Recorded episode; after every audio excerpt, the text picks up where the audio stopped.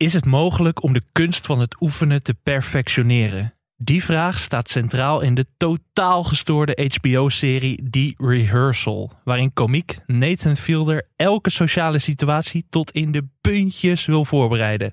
Hij probeert echte mensen te helpen met hun problemen door alles te repeteren, acteurs in te huren en hele locaties na te bouwen. Het resulteert in misschien wel de meest bizarre tv-serie die we ooit zagen.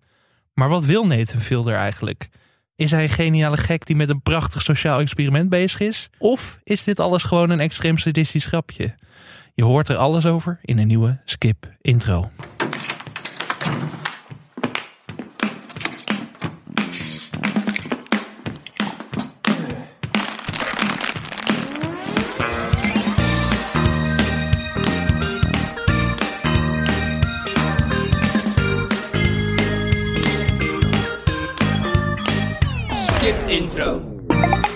Welkom bij Skip Intro, de podcast waarin we je wekelijks door het grote aanbod op het kleine scherm heen loodsen. Wij bespreken de meest spraakmakende, indrukwekkende of hopeloze series op de streamingdiensten en vertellen je wat je wel of juist niet moet gaan zien. Mijn naam is Alex Mazereel en ik zit hier met de vrouw waarvan ik zeker weet dat ze er alles aan wil doen om de werkelijkheid volledig naar haar hand te zetten. Het is Anke Meijer. Hoi. Hoe is het, Anke? Goed hoor, ja. Heb je het idee dat je in een soort gekke bubbel zit vandaag, omdat we een heel raar programma gaan bespreken? Dat je Ja. niet meer weet wat echt is en wat nep is? Eh, eh, Dat, eh, sinds, ik, sinds ik deze serie heb gezien, heb ik dat regelmatig inderdaad. Ja. Heb je het idee dat ik ook een acteur ben die nu door iemand anders oh, eh, dat zou is ingehuurd? zomaar kunnen. Wie weet. Ben jij nog wel jezelf eigenlijk? Nou ja, dat, nee, dat weet jij dan weer niet. Dat zijn al de vragen Ja. die Nathan Fielder stelt in de rehearsal, waar we het later in deze aflevering uitgebreid over gaan hebben. Ehm, een van de meest bizarre series in tijden, in jaren waarschijnlijk. Maar voordat we dat gaan doen, hoe is leven? Hoe was je week? Ja, prima. Ja, ja ik, ik, ik, ik zei nog tegen je, ik maak eigenlijk niet zo heel veel mee, want ik heb twee kleine kinderen, Mhm. waarvan eentje van acht maanden. Dus, eh, dus mijn leven bestaat eh, uit televisieseries kijken, werken en de kinderen. Maar ik, ben, ik mocht afgelopen weekend naar de film. Jawel, Oh, ja. Mocht je eruit of ging je met de kinderen naar de film ik, dan? ik met de kinderen. Oh ja, nou, Met de oudste, uitje. met Ja, de ja, ja. oudste van zes. En we gingen naar smiddags. en dan zit je altijd met, nou ja, wat is het, eh, zes andere kinderen en hun ouders in de zaal. Mhm. en eh, op zich heel gezellig. Die kletsen er lekker doorheen. Ja, we gingen naar eh, DC League of Super Pets. zo dan. Had je Ja, ervan gehoord? Ik heb er wel eens van gehoord. Oh, ja, echt? Ja, ja. Ik nog niet namelijk, Ik, eh, maar- nee, ik krijg het filmaanbod wel eens mee hier en daar. Ik ben er nog niet heen geweest. Ik hoop niet dat de luisteraar dan boos wordt nu. Van waarom ben je niet naar DC Club of Super Pets geweest? Maar was de, eh, kun je dan nog iets volgen van de film als je in een zaal vol kinderen daarnaar zit Oh, het was echt niet zo heel druk. Dus dat, dat scheelt. En het geluid staat tegenwoordig echt zo loeihard. Zelfs bij kinderfilms. Dat je daar geen last van hebt. En het, is, het, het was, ik, ik ben een heel klein beetje in slaap gevallen. Ook, de- die functie kan een bioscoopstoel ook gewoon hebben. Dat is ook lekker. ja, mijn kind zat heerlijk te kijken en te genieten. Dus ik vond het niet zo erg. En het is gewoon, het is best een. eh, het, het, ik vond het best een goed gemaakte film. Het is echt een superheldenfilm, zoals ze ze kennen. Een DC-film, maar dan voor kinderen. Hmm. En mijn kind was na de hand ook echt zo van, ik vond dit fantastisch. Toen zei ik, vond het leuker dan de Minions? Want die heb ik laatst ook Ja. met hem gekeken in de bios. Zei ja, Oh, zo. ja. Compliment voor, de, voor, de, voor de superpets dan in dit ja, geval. Heb jij je kind dan ook zo geïnstrueerd van niet door de film heen praten? Of eh, zo Oh, van, dat doet hij zit er zelf. vroeg in? Nee, Oh. dat doet hij zelf. Hij is een van die kinderen die gewoon op de bank zit en dan gebiologeerd naar, de, naar het scherm staart. En, Oh, en eh, dus dat als je iets tegen hem zegt, niks eh, hoort. Dat is er niet thuis gewoon met de paplepel ingegooid. Van als, Dat als papa en mama tv kijken, dan, eh dan moet het Nee, maar wij kijken nooit tv waar hij bij is. Oh, dat doen we pas als hij naar boven... Ja, dat, ja, dat ken House jij. of the Dragon, dat zou gek zijn als je dat ook Als hij naar beneden komt terwijl dat bezig is, Ja. dat zou ik een beetje schokkend vinden voor hem. Ja. Ik, eh, ja, we, we zijn natuurlijk een podcast over series, maar we mogen ook een uitstapje maken, zeker in dit beginblokje, naar de wat meer bioscoopervaringen, filmervaringen. Ik eh, zag vorige week in een voorvertoning de film Buddies, Buddies, Buddies. Oh, en daar heb ik over gehoord, ja. is geregisseerd door niemand minder dan Halina Rijn. Haar Oh, Amerikaanse filmdebuut. Dat was het. En ik had afgelopen dinsdag een interview met Halina. Dat, dat was al hartstikke leuk natuurlijk. Maar dan zit je, jij hebt het ook wel eens meegemaakt. Als iemand een hele dag aan interviews hebt. en je zit een beetje aan het einde. dan is het altijd de vraag: van, heeft iemand nog energie? Of is de pijp helemaal leeg? En? Het was een beetje van allebei, maar dat eh, was wel leuk. Eh, heel energiek, heel leuk gesprek ook. Maar ik wil het vooral even over die film hebben. De film komt eh, op 8 september uit in de bioscoop, dus nog heel even geduld. Maar ik was best wel overweldigd. Ik ging er echt heen van, dit wordt een soort slasher. Het is dan een idee, groep vrienden in een huis en dan langzaam één voor één gaat er iemand dood of verdwijnt er iemand. Ah. Dus dan denk je meteen een beetje Scream-achtig, dat soort films. Maar er zat een hele leuke twist aan. En het was ook wel een mooie um, satire op Generatie Z. Wij zijn dat allebei net niet meer. Het scheelt niet heel veel. Uh, Generatie Z is na 1996. Dus... Ik ben een, een hele tijd... Uh... ik denk, ik probeer je te vleien. Dat, Dankjewel. Uh, Volgens mij ben ik bijna Gen X nog. Dan wordt het wel echt lastig. ja, maar dat is Alina Rijn zelf ook. Ja, dus in die ja. zin is het, uh, maakt het ook niet heel veel uit. Maar echt een heerlijke film die ook heel erg met je verwachtingen speelt. En wat ik vooral had bij het kijken naar die film was dat ik dacht... Dit is gewoon gemaakt door een Nederlander. Heb jij, heb jij dat ook als je zeg maar een serie zit te kijken waar Michiel Huisman in zit of Caries van Houten? Dat je toch denkt, dit is ook een beetje mijn serie of zo. Dat gevoel had ik dus heel erg bij deze film. Oh, dat vind ik leuk. Nou ja, ik had eigenlijk... Michiel Huisman kan ik altijd heel goed um, loslaten. Die, die vind ik altijd wel opgaan in de rollen die die, die speelt. is Amerikaans geworden voor jou bijna. Ja, ja, soort van. Um, ook, al, ook al kende ik die van vroeger nog wel een beetje uit het, uit het circuit dat ik hem wel eens tegenkwam. Dus je zou zeggen dat die eigenlijk. Het circuit, ja. dat klinkt echt heel gek wat voor circuit. ik bedoel meer gewoon het Amsterdamse ja, ja, waar ik woonde. En dan kom je wel eens op een feestje en dan zag ik hem wel eens. Maar en ik heb hem wat vaker geïnterviewd. Maar dus dan zou je denken dat je die persoon van het echte leven niet, dat je, dat je als je die in de serie ziet, dat hij je eruit haalt. Dat doet hij niet, maar, maar Carice wel, Hmm. gek genoeg. En dat had ik heel erg in Game of Thrones. Dat vond, ik kon haar niet, dan, da- dan zag ik haar en dacht ik, oh, daar heb je Carice. In plaats van, daar heb Oh, je... dus het kan ook de andere kant op werken. Dat je een Nederlander ziet en denkt, oeh, Ja. dit is een Nederlander. Ja, heel erg, ja. Dus dat is eigenlijk, eh, dat- maar, maar ik kan me voorstellen dat als het gemaakt is. Ja, dan je- maakt het- Ik, ik heb dat nationalistische, die, dat trots, dat heb ik. Dat, Nee, maar ik heb dat ook met mij niks eigenlijk. Ik, eh, ja, met sport misschien, met voetbal dan een beetje. Maar ik, heb, ik merk het bij mezelf altijd. Als ik dan zie van, oh, een Nederlands acteur heeft een rol daar en daar. En denk ik toch, ja, dat hebben wij maar mooi Oh, voor elkaar. Denk ik, ik heb hier helemaal niks mee te maken. Maar Oh, ik had het grappig. bij Buddies, Buddies, Buddies ook. Ik denk, ja, dit hebben wij maar mooi voor elkaar Ja. gekregen. Terwijl het natuurlijk helemaal onzin is. voor ja, Alex. Ja, eigenlijk wel. Dus ik vond het wel grappig. Maar 8 september in de bioscopen. Dus eh, het is wel een kijktip alvast Oké, voor ja, de ik zag agenda. dus op Twitter inderdaad wel dat er over gesproken werd. Heel en niet, ontvangen niet in Nederlandse Amerika. Twitter, dus ja. Ja, volgens mij op Rotten Tomatoes ook goede, eh, Ja. hele hoge score. Dus dat nou, is dat vind ik eh, inderdaad heel cool voor toch eh, ja, ook ons succes. Dat wil ik gewoon even claimen bij absoluut, deze. helemaal. Skip intro. Wat ook een succes was, de première van House of the Dragon. Ja, de draken hebben het er veel over eh, gehad. as one, eh, Alex. Ja. Een record aantal kijkers. Volgens mij de Ja. best bekeken HBO aflevering ooit. Nee, première. Première ooit. Openings. Ja. Volgens mij de best bekeken HBO première ooit. ja, precies. Je hebt je Eh, feiten goed op Ik een heb mijn rijtje. feiten goed op een rijtje. 10 miljoen kijkers voor de eerste aflevering. Dat, ja, dat- daar kun je misschien niks bij voorstellen. Want het is allemaal natuurlijk... HBO is een kabelzender. Dus hoeveel is dat nou in vergelijking tot de grote Amerikaanse zenders? Maar voor HBO was het dus echt een record voor de eerste aflevering. Absoluut, ja. En 2,17 miljoen mensen hebben lineair gekeken, ouderwets. Gewoon Oh, Zo. in Amerika om, ik denk dat het 8 uur, 9 uur 's avonds was eh, live. En de rest heeft allemaal op HBO Max gekeken. Had jij dit verwacht? Dat het zo'n succes Ja. zou worden meteen? Ja? Ja, Ja, ik Ja. had toch wel mijn twijfels. Door- Vooral dus waar we het vorige week over hadden. Over die erfenis van Game of Thrones. Ik denk, hebben mensen hier nog zin in? Maar ja, maar je merkt, wij hadden toch zelf ook al wel een beetje zo van, oh, maar als ik er eigenlijk over nadenk. En iedereen is nieuwsgierig. Iedereen wil weten wat het is en of het wat is. En als het slecht was geweest, dan hadden we allemaal gezegd, zie je nou wel, het is hartstikke slecht. En, en omdat het gewoon heel erg doet denken aan een beetje dat midden, middengedeelte van Game of Thrones, Mhm. zijn mensen echt wel ja, blij om weer terug te zijn. En dan met de hoop dat het beter, eh, beter gaat aflopen. En wat ik er ook wel grappig aan vind, eh, aan vind is dat het ook een soort ehm, gemeenschappelijke kijkervaring weer wordt of zo. Ja. Dat, daar is, vroeger ging dat er heel vaak over, van, eh, dat je bij het koffiezetapparaat staat en met mensen erover gaat praten de maandag nadat het is uitgezonden of de dinsdag. Dat je bijna ruzie krijgt van, oh je hebt het al gezien, geen spoilers, geen spoilers. En dat gevoel ging natuurlijk een beetje weg de laatste jaren, omdat het zo, het was over, all over the place. Ik bedoel, de een was Stranger Things aan het kijken, de ander House of Cards, de ander En natuurlijk ook Weer op binge, hè? Amazon bingen natuurlijk de hele tijd. Dus dat wekelijkse was er heel lang uit. Dat is nu alweer terug aan het komen. Maar toch ook een populaire serie als eh, The Boys op Amazon Prime of zo. Het is nooit dat je daar, dat je daar, dat je een kantoor binnenstapt en dan zegt, hey, heb je The Boys gezien of zo? Dat, dat is helemaal weg een beetje. Dat, dat iedereen naar één serie aan het kijken was. En ik heb het idee dat dit weer een soort van terugkeer was naar die oude dagen. Ik, ik denk in ieder geval een beetje naar het Game of Thrones gevoel. Ja. Van met z'n allen kijken en zo'n, zo'n, zo'n, ja, echt een kijkervaring met de hele wereld. Wat, wat helemaal niet zo is, want uh, mijn ouders luisterden onze eerste aflevering en die zeiden, we hadden geen idee waar het over ging, maar hartstikke leuk.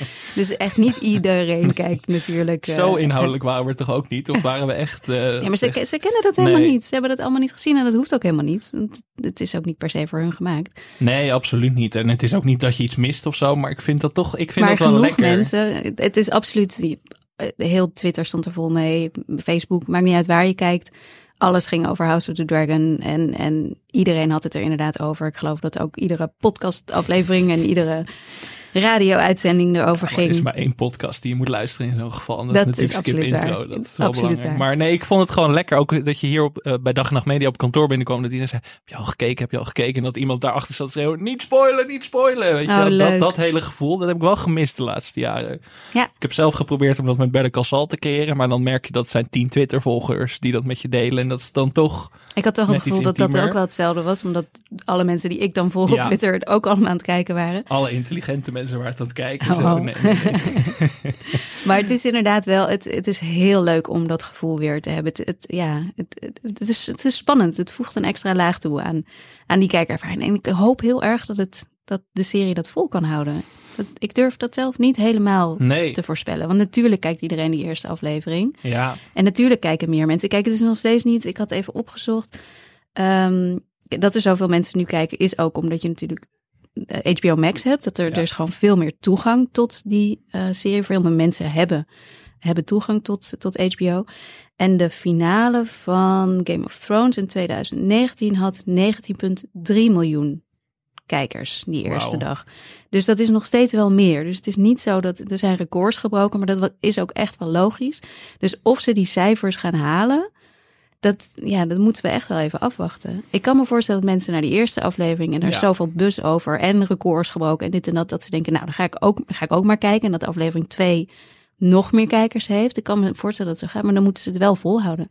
Maar goed, er ligt wel meer spektakel. Is wel, het is winter is coming, maar spectacle is coming. Hoop ik toch ook wel in House of the Dragon. Ik heb nog niet vooruit gekeken, dus ik zou het niet weten. Maar ja, ik heb is, één extra uh, aflevering gezien. Oh ja, maar het budget is natuurlijk zo groot, 20 miljoen. Je zou denken dat moet ergens heen gegaan zijn. Ja, zou je zeggen. Ik denk, dat, ik denk ook dat het wel goed komt. Maar ja, het is, het is, het is lastig. En het is ook, het grappige is dat een andere serie die op dit moment volgens mij veel besproken wordt, is The Sandman.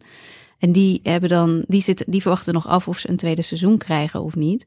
En die zitten dan op 127 uh, miljoen uren gekeken. Want Netflix doet het in uren. Ja, om het lekker ingewikkeld te ja, maken. Dus ik weet eigenlijk niet hoe je dat dan weer moet vergelijken. Nee, ik vond de Sandman overigens wel verrassend goed. Dat ja, toch? Uh, moet ja. wel gezegd worden. Ik bedoel, uh, ik had er weinig fiducie in of zo. Ik dacht, oh, even een nieuwe fantasy serie van Netflix. Oh, dat, dat kan alleen maar weer of heel goedkoop of heel crappy worden, maar ik vond het echt verrassend goed. Dus ik ja. hoop eigenlijk dat dat gewoon doorgaat. Ik, ik denk ook haast van wel, maar... Uh, Als Netflix dit niet... Ja, dan... Wat dan? Wat, dan? wat ja. gaan ze dan doen? Ja, het is natuurlijk wel een dure serie. Dus het is allemaal ja. een beetje de vraag. Maar ja, kijk, het is interessant. Nog steeds heel belangrijk. Ook nog eventjes voordat we naar de rehearsal gaan. Ik las dit weekend een heel goed stuk in de New Yorker. Ik voel me meteen zo'n zo'n intellectueel doende hipster hier. Maar uh, met Vince Gilligan, de man achter Breaking Bad en Better Call Saul. Die is aan een soort... Uh, Jouw held. Eigenlijk wel, eigenlijk wel. Hij was ook aan een soort ereronde bezig. Nu Better Call Saul natuurlijk geëindigd is, uh, was hij bezig met uh, wat interviews. Hij heeft uh, een record aantal interviews gegeven de laatste tijd volgens mij. Al die records die sneuvelen deze Al week. Al die records, is zoveel. Het is echt een recordaflevering. Ik hoop dat wij ook records uh, gaan laten sneuvelen deze week. Maar Vince Gilligan zei in dat interview met de New Yorker iets over de um, giftige fancultuur bij series.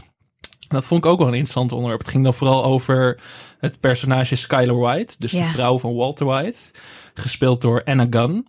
En die heeft daar in de tijd dat Breaking Bad liep echt bakken aan haat, ja. ellende, kritiek over zich heen gehad. Ja. En dat is natuurlijk niet voor het eerst dat het ook... Dat een vrouwelijk personage Een vrouwelijk dat personage. Dat, ja. Ja.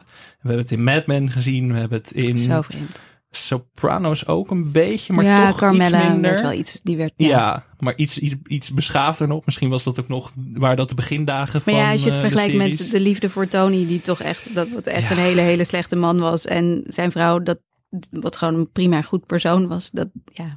Ja, en Vince Gilligan gaf in dat interview dus ook aan van hoe moeilijk het is om met zo'n fanschare te dealen. Want je wil ze en tevreden houden, maar je wil ook voor je personage staan. En dat hij er eigenlijk spijt van had dat hij zijn hoofdpersonage zo'n tussen haakjes held had gemaakt. En dat iemand als, als Skyler dus alle haat over zich heen kreeg. En met terugwerkende kracht is hij ook niet meer zo fan van Walter White, toch? Nee, en dat heb ik ook wel heel erg. Daarom was dat stuk ook herkenbaar. Want ik heb Breaking Bad begin dit jaar eh, voor de derde keer opnieuw gekeken. En je kunt echt niet meer met een gerust hart meeleven met Walter White. En dan zit je naar zo'n Skyler te kijken en dan denk je van dit is gewoon een veel beter personage eigenlijk. En daar, hoe kan het dat hier zoveel haat op komt? En tijden zijn veranderd. Tijden zijn veranderd. Maar ja, die giftige fancultuur, je ziet het natuurlijk ook bij Star Wars serie heel vaak. En dan zit er ook vaak nog een raciaal randje aan. Het is natuurlijk vaak de giftige mannencultuur ook een beetje. En ik vond het wel een heel interessant stuk. Ook dat de makers daar zelf moeten reflecteren. En dat... Ja, het is, het, ik vind het ook altijd heel ingewikkeld. Het is mensen die, omdat ze fan zijn, vinden dat zij dat, dat de, serie van hen is. En dat ze dus recht hebben om dat te krijgen wat zij willen krijgen. Terwijl we hebben het er volgens mij wel eens eerder over gehad. Uh, dus de vorige keer, want zo vaak hebben we dit nog niet gedaan. Volgens mij hadden we het er de vorige keer ook over dat. Um, uh, dat, het, dat wat ik veel fijner vind, is, is als een seriemaker waarvan ik uitga dat hij het beter weet dan ik. Mhm. Dat hij doet wat hij goed vindt in plaats van dat hij doet wat ik denk dat ik goed vind. Ja.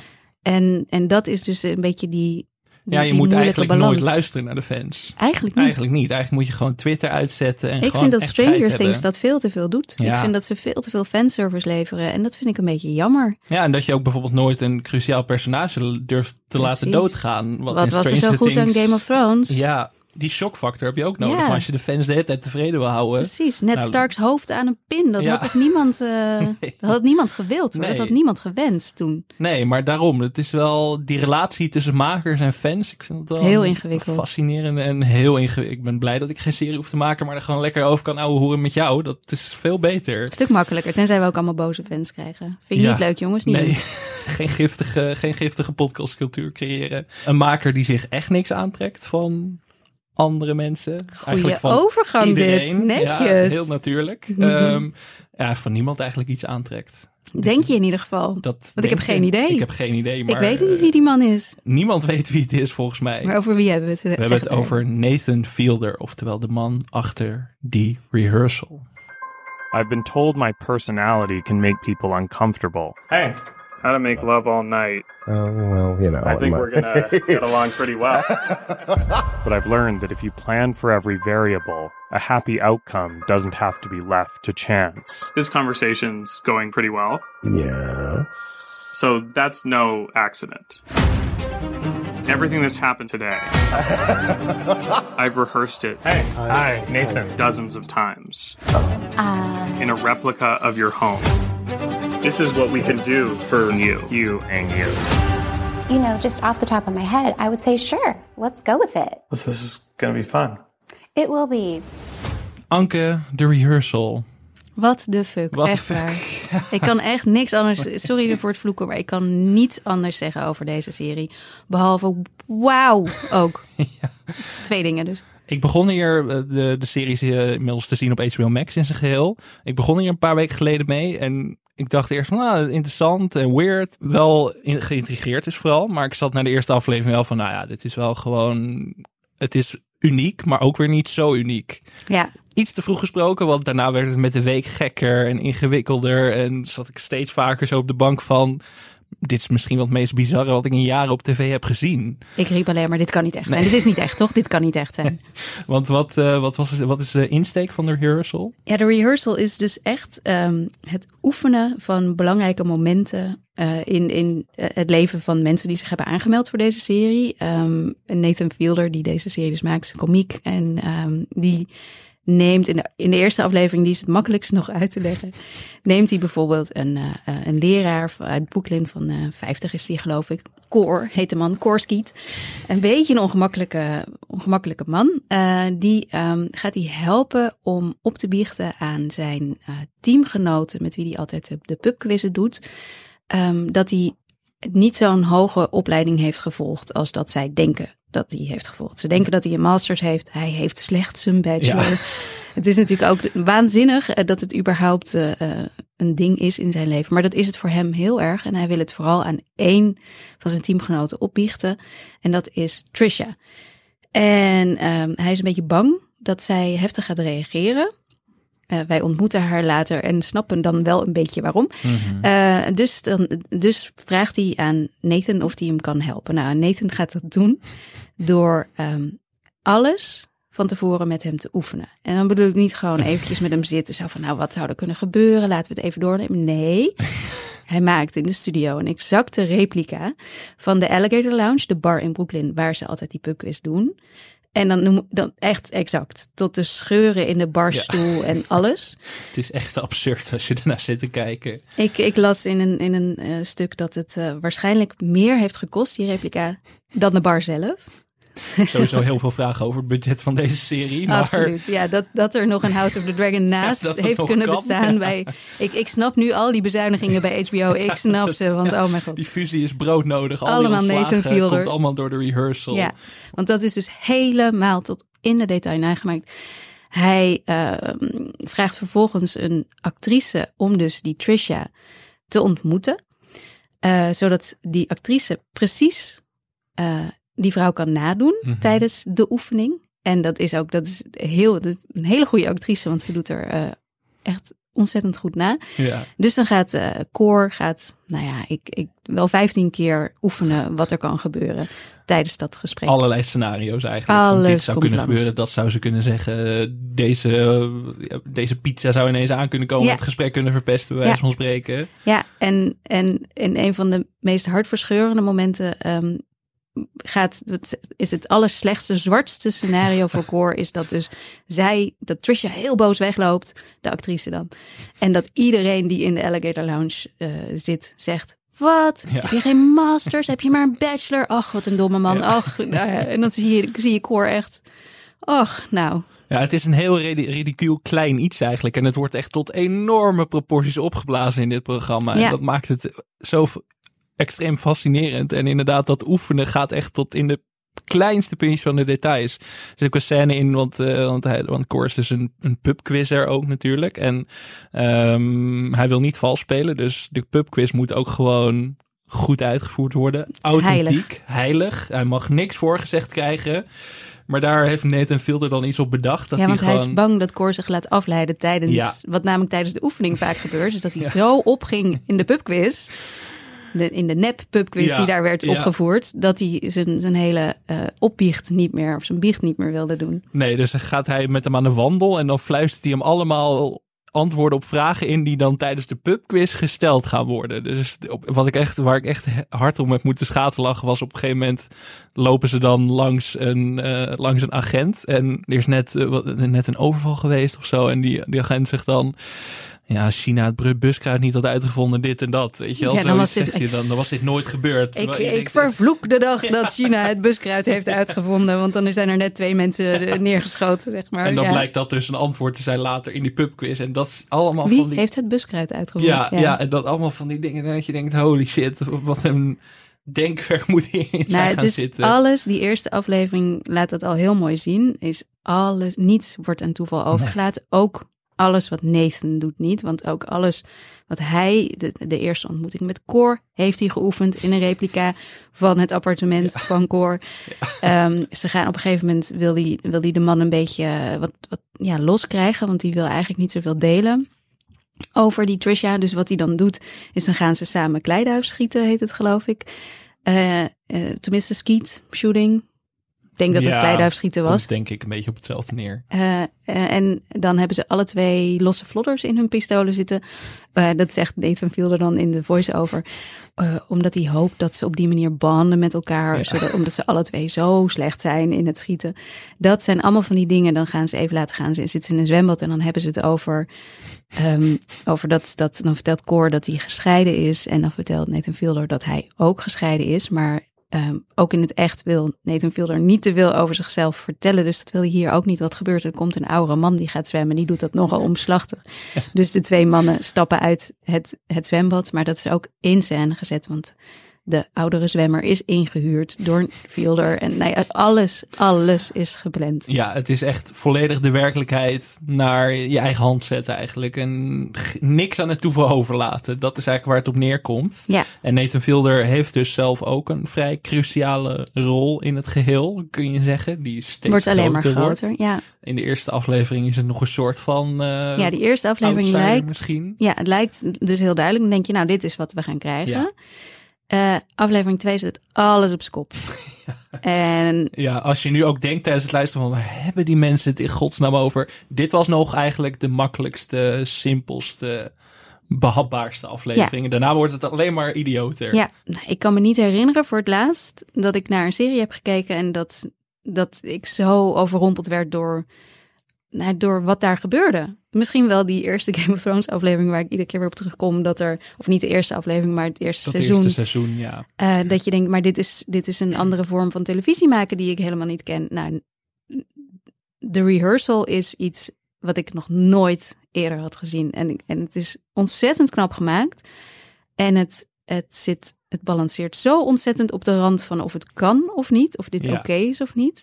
Want het zijn natuurlijk, Core is een echt mens. Ja, want dat Trisha is, is ja, een echt mens. Je denkt nog, je, soms zat ik te- tijdens het kijken te denken van, zijn deze mensen nou, wat Ja, is hun dat nou ze- of zo? Ja, Je is- hoopt dat ze niet echt zijn. Je, hoopt hoopt dat het allemaal acteurs zijn. Want het is een soort reality tv eigenlijk ook, maar En hij manipuleert ze, waar je bij, zoals Ja. inderdaad wat ik net vertelde over dat kleiduifschieten Ja. en het zwembad. Hij manipuleert iedere situatie, waardoor ja, die mensen, net als, als dat hij ook deed in eh, Nathan For You, de comedy eh, central show die hij voor de rehearsal had. Ik weet niet Ja. of je die ooit hebt gezien. ja zeker. Ja, dat, en dat was dan nog, dat vond ik ook altijd heel leuk, maar dat was misschien nog iets conventioneler. Ook al wel vrij absurd natuurlijk. Want wat Ik doet hij daar? Als je, misschien moet even... Ehm, nou, bijvoorbeeld, hij, gaat, hij heeft dan een soort, hij is een soort parodie op een consultant die bedrijven dan gaat helpen om hun, om hun bedrijf weer levensvatbaar te maken. Ik kan me bijvoorbeeld, volgens mij is dat de allereerste aflevering dat hij bij een frozen yogurt tent langs gaat en daar dan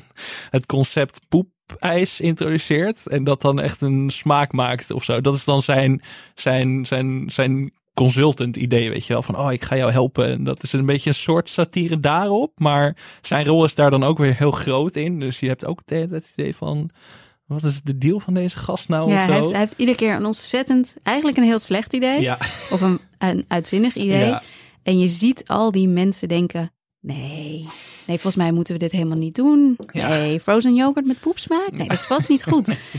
En dan op een of andere manier kan Nathan Fielder dat zo brengen dat je, zonder dat je er erg aan hebt, dat je of, of je denkt: oh ja, dit is een, wel een grap, dus ik ga erin mee. Of je Mhm. denkt: deze man is zo.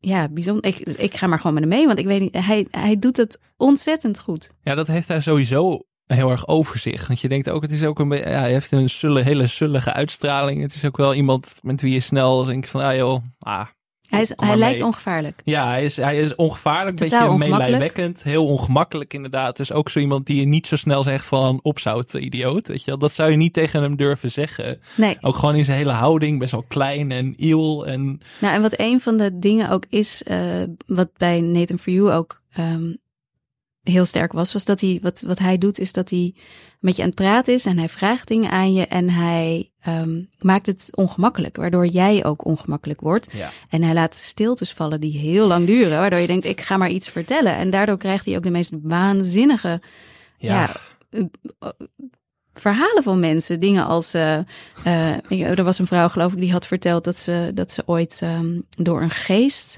in Zwitserland was gekeeld. En een man die vertelde, die opbiechte dat hij wel eens de urine van zijn kleinzoon dronk als hij bang was. Nou, eh, dat je denkt, maar waarom vertellen mensen hem dit? Maar dat is dus wat, wat hij op een of andere manier kan. Hij kan dat soort gekke dingen uit mensen halen. En, en dat maakt het heel bijzonder. En ehm, wat ik las is dat ze dus op de rehearsal zijn gekomen omdat hij samen met zijn, met zijn, eh, zijn writers room, dus de andere schrijvers, bij Nathan For You, dat ze dan altijd van tevoren heel erg aan het bedenken waren van wat kan er allemaal gebeuren. We gaan het meest waanzinnige idee pitchen bij deze frozen yogurt man. Eh, hoe kan hij gaan reageren? En dat, eh, dat ze dat dus allemaal een beetje probeerden te, ja, te oefenen ook.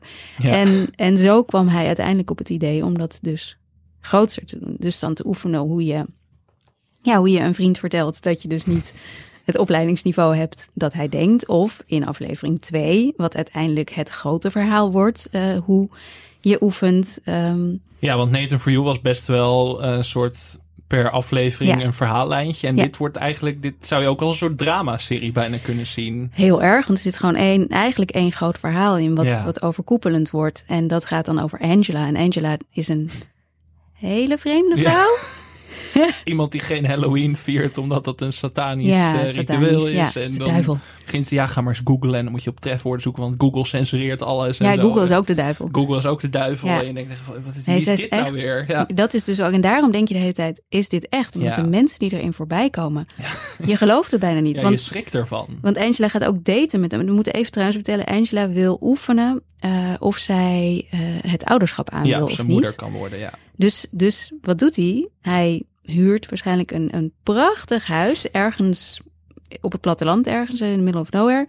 Een prachtig, prachtig huis waar zij met um, daadwerkelijke kinderen, kindacteurs, gaat oefenen om moeder te zijn. En dat doen ze door de, de tweede aflevering. begint redelijk shocking, uh, want dan zie je hoe ze een kind uit zijn slaapkamer halen. En dat door het raam weer naar buiten halen. En een ander kind ervoor in de plaats leggen. Omdat dat kinderen niet langer mogen werken dan een bepaald aantal uur bijvoorbeeld. Precies, dat is de reden. Maar het ziet er echt heel shocking uit.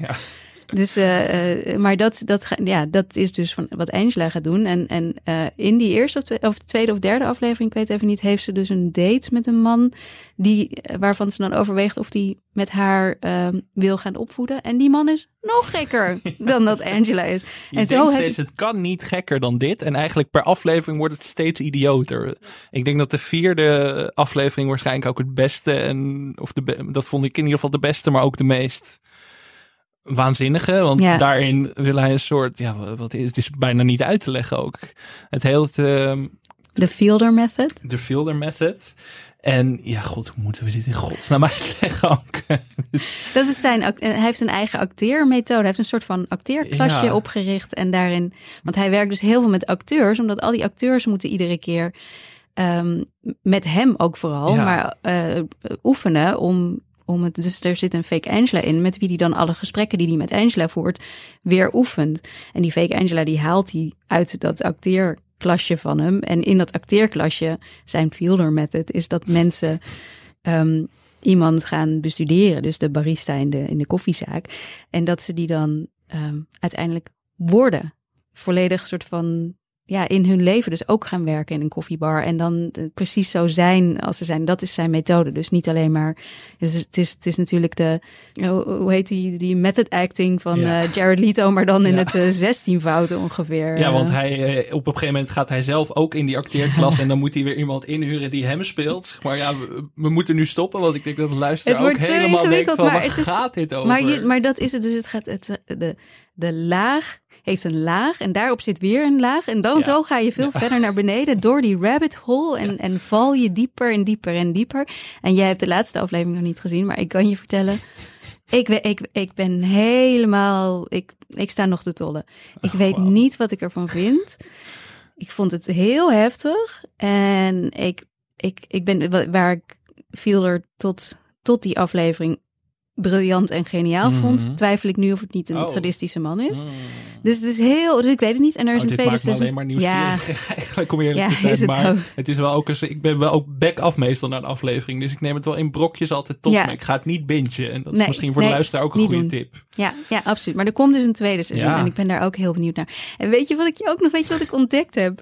Ik vond het namelijk zo grappig, want ik vraag me de hele tijd af, al deze mensen, weten ze waar ze aan meedoen? Uh, Zo'n Angela die dus echt echt op Twitter, als je ziet hoe mensen op haar reageren en hoe wij op de bank op haar reageren. Het is, het is nogal wat. En dan maak je toch een beetje zorgen om zo'n mens. Nou, dat hoeft niet. Want Angela, zoals wel meer mensen uit de rehearsal, zit op Cameo. En uh, vraagt daar 70 euro voor een videootje. Dus die wordt slaap met rijk. Zelfs ja. door. Ja, want dat is natuurlijk ook wel een ding in dit programma. Dat je. Uh, nou, dat is in, bij elke reality-serie eigenlijk het geval. In Nederland hebben we nu het programma BB voor Liefde. En de deelnemers aan dat programma worden ook aan de lopende band nu bedreigd. Omdat mensen ze niet aardig vinden en zo. En dan. Dat kan hier natuurlijk tot in het extreme. Als iemand gaat zeggen: Halloween is een satanische uh, ja. uitvinding. Dit en Ik dat. bedoel, er zijn natuurlijk. Zij is iets wat gek. Maar er zijn ook andere gekke mensen. Ja, ja die iets minder gek zijn maar die ook die shit over zich heen krijgen. En dan kom je bij de vraag van wat is de verantwoordelijkheid van de maker? Maar Ja, nou ja, ze hebben wel allemaal een NDA, ehm, dus een non-disclosure agreement getekend. Wat betekent dat ze niets over de show mogen zeggen. zonde eigenlijk. Ja, ik had heel wel erg een hele goede oral history over deze serie willen lezen. Ja, ik, ik, ik dacht ook al van, oh nee, dan gaan we het nooit weten. Nee. Eh, maar dat is natuurlijk niet zo. Mijn man zei ook van, dit komt op een gegeven moment over tien jaar... komt er een uitgebreid boek of een eh docu-serie over de rehearsal. Het kan bijna niet anders, want te veel mensen willen dit weten. Maar het feit dat je niet weet of het echt is of niet echt is... en dat je niet weet wie Nathan Fielder nou echt is of niet echt is... Het, ja, wat ik al net zei, is die, is die een genie? Is die eh, met een prachtig experiment bezig? Of is dit gewoon een sadistische grap? Ik, ik weet het niet. Ik denk dat al onze luisteraars dat zelf moeten gaan beoordelen de komende weken. Want alle afleveringen zijn te zien op HBO Max. Ja. Eh, en laat ook vooral weten, als je een extra nazorg nodig hebt, dan mag je altijd eh, bij ons eh, komen uithuilen, uit trillen, wat, wat, wat je reactie ook is. En Want- als je dan nog heel even een soort van wil bijkomen, maar wel een heel klein beetje in hetzelfde sfeertje wil blijven, dan, dan tip ik How to with John Wilson. Staat ook op HBO. En daar werkt Nathan Fielder ook aan mee. Hmm. Maar dat, als Nathan Fielder dan misschien kwaadaardig is, is How to with John Wilson. John Wilson, de maker daarvan, is goedaardig. Dus absoluut, 100%. Dus ga dat vooral kijken om dan eh, misschien daarna, dan heb, ga je met een goed gevoel naar bed of zo. Het is allebei op HBO Max, dus Ja. dan eh, kun je dat mooi afwisselen. Dan was dit hem weer, Anke. Eh, volgende week, ja, wat gaan we dan voor bizars doen? Om hier qua, qua absurditeit overheen te komen, dan, dan moeten we heel wat dingen voor... Dat kan bijna niet. Dat kan bijna niet eigenlijk. Dus ik denk dat we volgende week weer iets rustigers gaan opzoeken. Dat we hier weer kalm in de studio zitten. Niet tegen een... eh, misschien zitten wij zelf wel tegen een soort psychose aan... na het kijken van dit programma of zo. Dat is ook een soort experiment bijna. maar ehm, we gaan afronden. Belangrijk om nog even te benadrukken. Mensen moeten zich echt als de sonomiet gaan abonneren op jouw nieuwsbrief. I like to watch. De link staat in de show notes. Ja, Ehm, Daarin tip ik heel veel series. eh, wat, eh, wat staat er in de meest recente? Heb je één tipje van de sluier? Niet alles weggeven, want dan gaan Ehm, mensen niet meer klikken natuurlijk. Nou, ik had het ook over House of the Dragon natuurlijk. Dat komt bijna niet anders, want hij is vorige week uitgekomen. En ik tip nog wel een paar echt hele toffe series eh, die we ehm, nog niet hebben besproken in Skip Intro. En die zeker de moeite van het kijken waard zijn. Dat komt eh, de komende weken misschien wel voorbij in deze Nou, aflevering. eh, heel graag, want Ja. ik vind ze, ik, ja, die ik getipt. Ja, ik, ik tip niet, ik tip alleen maar dingen die ik echt goed vind. Dus eh, ja, abonneer je op I Like to Watch. en dan krijg je mijn tips. Als je nog meer tips wil. Heel goed. Uitstekend reclamepraatje. Ja. En luister dus ook elke maandag naar onze recap afleveringen van House of the Dragon. Aanstaande maandag aflevering 2. Leuk, ik heb er zin in. Maandagavond 8 uur in je favoriete podcast app. Dus je hebt de hele dag om te kijken. Je kunt niet gespoord worden door ons 's ochtends. S'avonds 8 uur online. Dan was dit Skip Intro. Aflevering 2. Aflevering 2, ja, we zijn helemaal los. Laat ons weten wat je vond van eh, de rehearsal of van ons via Twitter of Instagram. Geen ons- giftige fan. eh, Geen dingen. giftige fans, die zijn niet welkom bij ons. Maar je kunt ons volgen op Twitter en Instagram via skipintronl. Toch dat nationalistische, het moest er toch ergens in, hè? Nee, het bestaat ja. gewoon al een skip intro. Besta- er bestaan heel veel podcasts die. Skip Intro heten, ja. En als je toch bezig bent, klik dan meteen even op die abonneerknop in je favoriete podcast app. En laat het ook weten aan de rest van de wereld. Dat je naar de Nederlandse skip intro luistert. Heel belangrijk. en dan zijn we de volgende week weer, Anke. Leuk. Zin in. Tot dan. Tot dan.